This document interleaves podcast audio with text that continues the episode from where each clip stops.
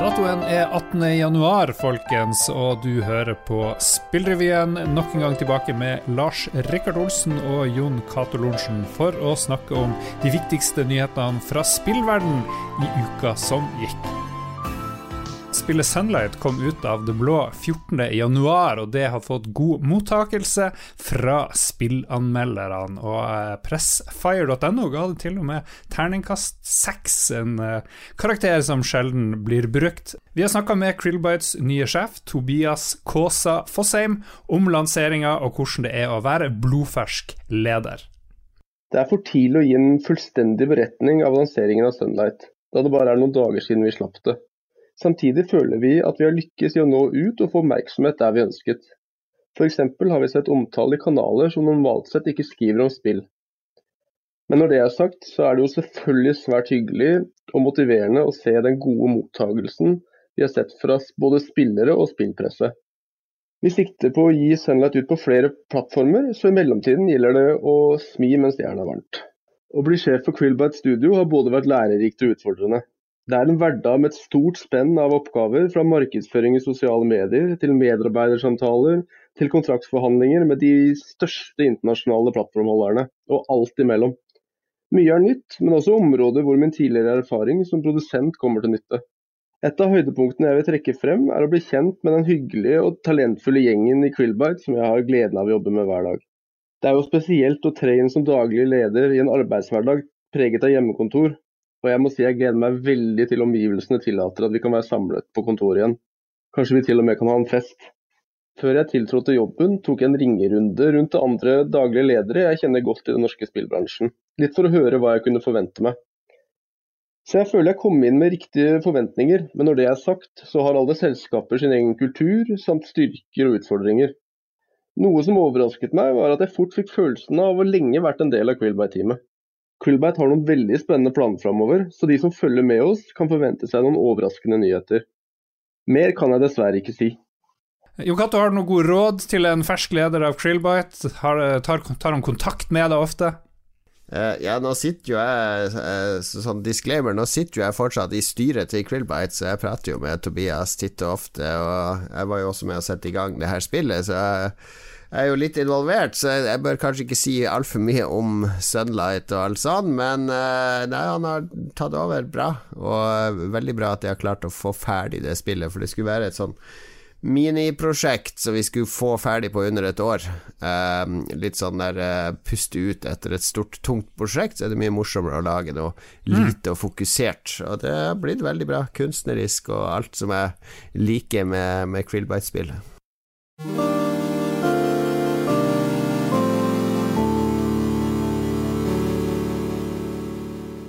I en video så har CD Project-leder Marcin Iwinski beklaga den trøblete lanseringa av Cyberpunk 2077, og han presenterte samtidig hva som venter i fremtida. Nedlastbart innhold er utsatt eh, på ubestemt tid, og det samme er dedikerte versjoner til PlayStation 5 og Xbox Series X. Og Jon Cato sier i videoen at han trodde versjonene som kom ut til folk i desember, skulle være bedre enn de var, og at den her eh, fremgangen eh, de så de siste dagene før launch, at det skulle holde. Men jeg mener, seriøst, hvordan kan, kan, ledelsen i et selskap ikke vite mer enn det om tilstanden til et spill, eh, når de har holdt på i ganske lang tid med det? Sannheten er at de vet akkurat tilstanden til spillet, så det her er, tror jeg ingenting på, egentlig. Det her er brannslukking og panisk forsøk på å holde verdien av selskapet oppe og kredibiliteten i behold, men Uh, QA-avdelinga, altså Quality Assurance QA er uh, kanskje den viktigste delen av uh, en spillproduksjon. jeg har jo vært gjennom QA sjøl når jeg har vært spillsjef. Fordi kua Har du en god QA-avdeling, så du får liste med hundrevis av bugs som er dokumentert med video og skjermbilder, og hva som skjedde, hvordan bugen oppstod Eh, kategorisert inn i kritisk nivå, og hvor viktig det er å fikse. Så at uh, dette har de garantert hatt oversikt over, uh, men de har valgt å kjøre på allikevel. Ja, og så syns jeg det er så rart at de tror de skal slippe unna med denne forklaringa. hvem er det som skal tro på det her? At de Nei, vi trodde det skulle bli bra, liksom. Du vet jo at det her ikke blir bra. Ja, nei, altså Det de burde gjøre, er jo bare å legge seg flat og si at vi har vært uproffe her. Og det alt tyder jo på at det har vært en veldig mangelfull føring. Og dessverre er det jo så altså Det er mange spillselskaper som har det litt sånn som CD Project Red, at de finner opp kruttet underveis, og at ting går feil. Og det er, det er vanlig å si hvis, hvis, du er litt sånn fersk utvikler og du estimerer at vi skal bruke to år på å lage det her, så er det, bare, så er det vanlige svaret ja, på gang det med tre, så, så er du kanskje i havn. Mm. Så, så CD Project Red har nok eh, de er nok ikke så modne som de liker å tro, og de har klart seg bra med Witcher-spillene og pussa og flikka og fått de til i ettertid, men uh, her har de nok brent seg på å prøve å lage for mye som de ikke har klart, eller prototyper ordentlig, eller fått inn i riktige systemer.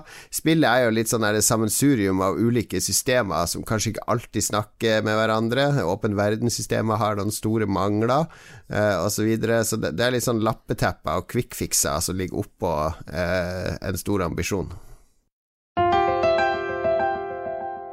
Wolfenstein-utviklerne i Machine Games skal lage et nytt Indiana Jones-spill for Betesta Softworks, fikk vi vite denne uka. Ikke lenge etterpå så ble det også klart at Ubisoft-eide Massive, med base i Sverige, skal eh, lage et nytt Star Wars-spill med en åpen verden. Og jeg beit meg merke til en par ting her. Det ene er jo at eh, Disney nå sier at de skal gi ut spillene sine under merket Lucasfilm Games. Det var jo det de het helt i starten da George Lucas starta spillavdeling. En annen ting her er jo at det er de her Microsoft-eide Betesta som er sjef for det her nye Indiana Jones-spillet. Da begynner vi å lure på kommer det her til noe annet enn PC og Xbox, tror du? Eh, sannsynligvis så er det Disney som styrer hvor disse skal, siden dette blir laga på oppdrag fra Disney. Eh, og at eh, eh den de har kontrakt med, er jo Betesta og ikke Microsoft. Åpenbart så vil jo ikke Disney bygge opp sin egen spilleavdeling. Det har de gjort før, og den har de lagt ned igjen før. Eh, fordi det var ikke det kjernevirksomheten er. Men det jeg vil tro har skjedd nå, er jo at eh, kinoene har jo stått i ro nå i et år, og Disney har jo verdens mest lukrative avtale med kinoer. De har jo vært, eh, tjent veldig mye penger på kinovisning av Avengers og Marvel og Star Wars og har liksom dominert totalt. Uh, og de har vel skjønt at ok, nå har vi Disney pluss, vi brencher ut på streaming. Vi må ta vare Spill vokser veldig nå. Vi må putte dette ut i spillkanalene også. Og så gjør de som jeg tror er riktig, de eh, kontakter store selskaper og får til samarbeid i stedet for å begynne å rekruttere folk og ansette 1000 stykk til å lage spill fra scratch. Ja, Nei, for de har kanskje skjønt at uh, det ikke funka, som du sier. Det virka som de hadde en eksklusiv avtale med Electronic Arts en stund, på at de skulle lage Star Wars-spillene, og så nå er det tydeligvis over. Det handler jo om eh, kvantitet i mye av det Disney gjør nå. Fordi det kommer, så, det kommer så mye Marvel nå at verken jeg eller du har oversikt over alt som kommer av serier og filmer. Det kommer også så mye Star Wars nå at verken jeg eller du har oversikt over hvor mye filmer og serier som kommer innen Star Wars-universet. Eh, og da, da, vil de nok gjøre det på spill òg, da nytter det ikke at bare EA skal lage det. Eh, og det er spennende at de går til, eh, til Massive i Sverige. Eh, eller via Ubisoft. Eh, Massive er jo kjent for Division 2, så eh, dette betyr jo mest sannsynlig at det ikke blir noe Division 3, men at kanskje det de har jobba med rundt Division 3, blir gjort om til et åpen verden Star Wars-spill. Uh, ja, de kan jo åpen verden-spill. De kan jo sånn loot, looter-shooter som, som de spillene er, så vi får se hva slags type spill det blir. Mens vi snakker om Disney og at uh, f.eks. kinoene er stengt, de tjener ikke like mye penger, så er det jo helt andre veien når det gjelder spill. Fordi omsetninga av akkurat det her i USA, spill og konsoller, økte med 27% i 2020 til 487 milliarder kroner, ifølge en rapport fra NPD. Og vi så jo forrige gang på en toppliste fra England, og det er jo noen artige endringer her. I uh, England så var det Fifa som lå på topp.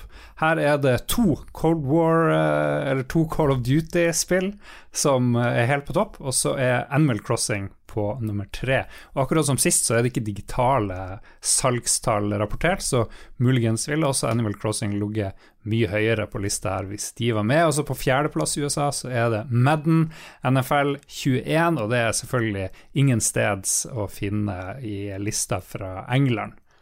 27% opp i 2020, det høres vel helt forventet forventa ut. Det er vel koronaen det går på, er det ikke det?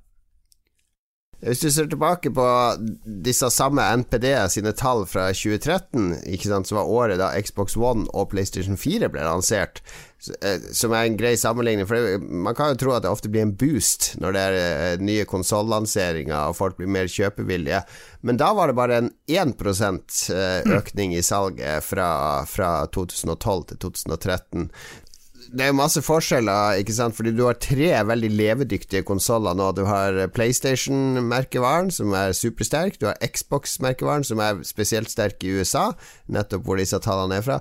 Og så har du Nintendo Switch, som er det beste Nintendo har gjort siden Nintendo Wii, sånn salgs- eh, og antall konsoller. Eh, så i 2013, som er det året siste var lansering av nye konsoller, så var det jo liksom VU og mm. Altså, det, det, var et helt annet og, og mye tørrere eh, marked, mye mindre imponerende konsoller, mens nå er det store, tre store, solide økosystemer som alle har stor oppslutning.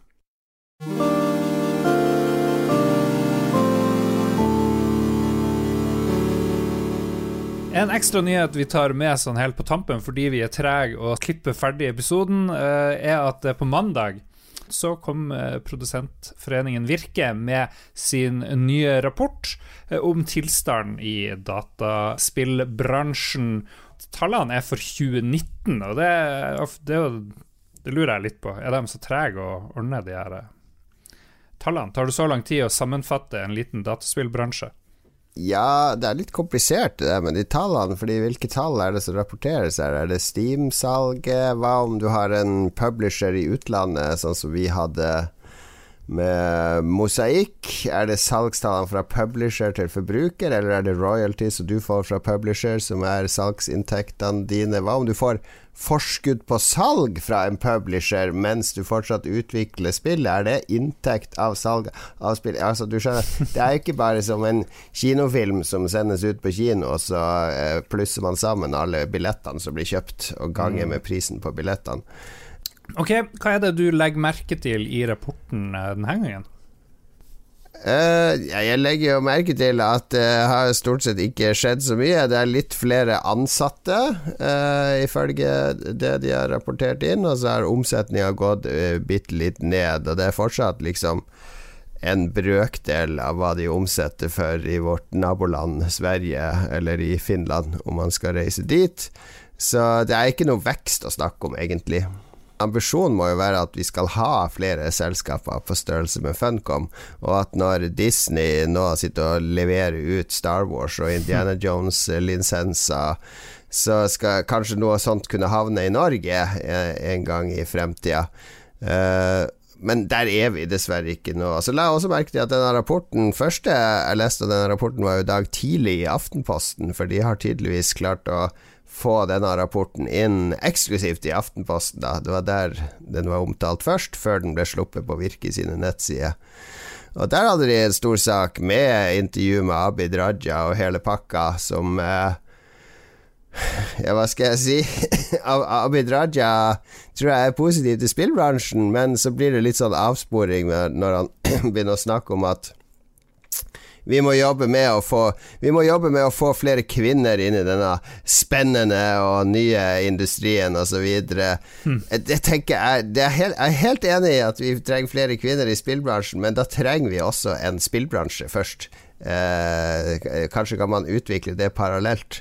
Men eh, vi bør være noen tusen som jobber med spill i Norge først. Og da det er kanskje litt feil ende å begynne i å skal balansere kjønn på de 300 som jobber her, i stedet for å få dette opp og gå og få investorer interessert og få penger inn i dette. Siste nyhet vi skal ta med oss, uh, handler om at elektronikkprodusenten LG bygger Stadia inn i alle TV-ene de lager. Det betyr at man ikke nå trenger en Chromecast Ultra eller annen maskinvare kobla til TV-skjermen for å spille Stadia-spill. LG sier at de også kommer til å bygge inn GeForce Now i, i sine TV-er i fremtida. Og det er jo artig. Det er jo en fremtid jeg har, eh, har, eh, ser frem til, hvor alt er veldig bra, hvor jeg ikke trenger å vente i kø på nett for å hamre F5 hos eh, Elkjøp for å få ny maskin, men alt bare strømmes rett inn på TV-en min. Hvordan går det med Stadia nå for tida? Nja, det hopper og går, for å si det sånn. Jeg, har, jeg, jeg prøvde jo stadig da det kom, og så må jeg innrømme at det, det er ikke det når jeg kobler opp eh, daglig lenger. Men eh, de har jo eh, en abonnementstjeneste som fungerer, de tilbyr spill, de har et økosystem som kanskje ikke kan utkonkurrere de andre konsollene, men de og så mangler de mange features som ble lova på launch. Altså De har vært veldig trege med å rulle ut sånne helt basic eh, ting som familiedeling, og, og fortsatt masse features som mangler. Så jeg føler vel at Google trenger å, å eskalere det hele hvis Stadia skal ta av. Men det, mm. får de sånn at Stadia er inkludert i alle TV-er som lages av flere elektronikkprodusenter? Så har de plutselig en potensiell brukerbase som gjør at de kan Jeg tror problemet frem til nå er at de har vært nødt til å selge noe hardware for å få inn folk. Altså en sånn Chromecast hvis du skal spille på TV-en, og en kontroller eh, og sånn. Så at, og har du en PC, så er du ikke interessert i å spille Stadia på PC-skjermen PC-skjermen din, for da kan du ofte kjøre spill sjøl. Eh, jeg, jeg, tror de må vente til tida er riktig, altså relansere med en masse nye features og, og supre spill i tjenesten sin. Ja, for det er jo ikke, det er ikke noe tvil om at det her er en god idé, tenker jeg. Det er jo mest sannsynlig fremtida at vi får såpass raskt og, og etablert internett eh, som, som, strømmer spillene fra disse store datasentrene. Og det blir jo en spesiell fremtid òg, fordi hva er det da vi skal krangle om? Da kan vi ikke krangle om det kommer på om det er best på Xbox eller PlayStation, eller hvor, mange, hvor mye bedre grafikken er, for da er det bare en sånn hemmelig maskin i andre enden som stadig blir gradvis bedre og bedre og bedre, og spillene ser bedre og bedre og bedre ut. sånn at det vil jo bare være eh, en tjeneste der hardware ikke har noe å si for oss lenger. Han konsumenten som ikke tenkte at han egentlig eh, At han, at han egentlig kjøpte en spillmaskin nå, han, han, bare sånn helt underbevist, så sitter han plutselig og spiller på den nye TV-en sin. Da lykkes de. Vi avslutter hver episode med å se hvilket spill som kommer i denne uka. Har du funnet noe som helst, Jon Cato? Ja, det har vi funnet. Et spill, Hitman 3, kommer fra IO Interactive, disse danske utviklerne som eh, egentlig har spesialisert seg 100% på å lage Hitman-spill i det siste, men som uh, faktisk jobber med et James Bond-spill ja. uh, for øyeblikket. Lurer på om det kommer før filmen, som nå har vært utsatt i snart et år pga. korona. Jeg tror kanskje ikke de har spesialisert seg så mye på Hitman-spill, men de har spesialisert seg på agenter i dress. Jeg tror kanskje det er der det ligger. Ja, skalla agenter i dress, og hvem vet, kanskje den neste James Bond blir skalla. Men eh, Hitman 3 er liksom avslutninga på den nyeste trilogien deres, der Hitman eh, basically har vært eh, sånne åpne brett med masse gjenspillingsverdi og nye oppdrag og, og, og, måter å gjøre det på. Sånn som jeg skjønte, så har du Hitman 1 og 2 fra før, altså de, i denne nye trilogien, så kan du importere alt av kart og oppdrag fra de spillene inn i, i Hitman 3. Spennende. Tørken som bruker å være mellom litt før jul og litt etter jul, den kommer til å vare en stund til. Og hvis du da trenger noe å gjøre, så anbefaler jeg deg å sjekke ut Lolbua, vår andre podkast, hvor vi har begynt med noe som heter Spillklubben. Og da drar vi frem noen eh, både, eller i det siste har det i hvert fall nye spill som vi ikke har spilt, og som vi inviterer lytterne til å være med og, og teste. Det vil jeg varmt anbefale. Vi holder akkurat nå på med Paradise Killer denne uka. Veldig spennende, overnaturlig detektivspill. Ja, jeg, jeg, driver, jeg, helt, jeg blir helt forstyrra av det spillet. Men jeg gleder meg til å snakke om det i, om ikke så lenge i en ny Lolba-episode. De kommer på onsdag, og på fredag så kommer det stort sett noe som heter Ragequit, med tre av våre venner som i fri dressur med soundboard og mye latter og krangling. Eh, snakk om spill, stort sett. Men nå, har det blitt mye barneoppdragelse, da. Det, det er det siste jeg har fått med meg der. Har du noen gode råd til våre lyttere hva de skal gjøre nå i en uke frem til neste gang, Jon Cato? Hvis du er på Østlandet, finn fram paraply og støvler for noe med mildværet. Og er du i nord, finn fram eh, snøskuffa for noe med kulda.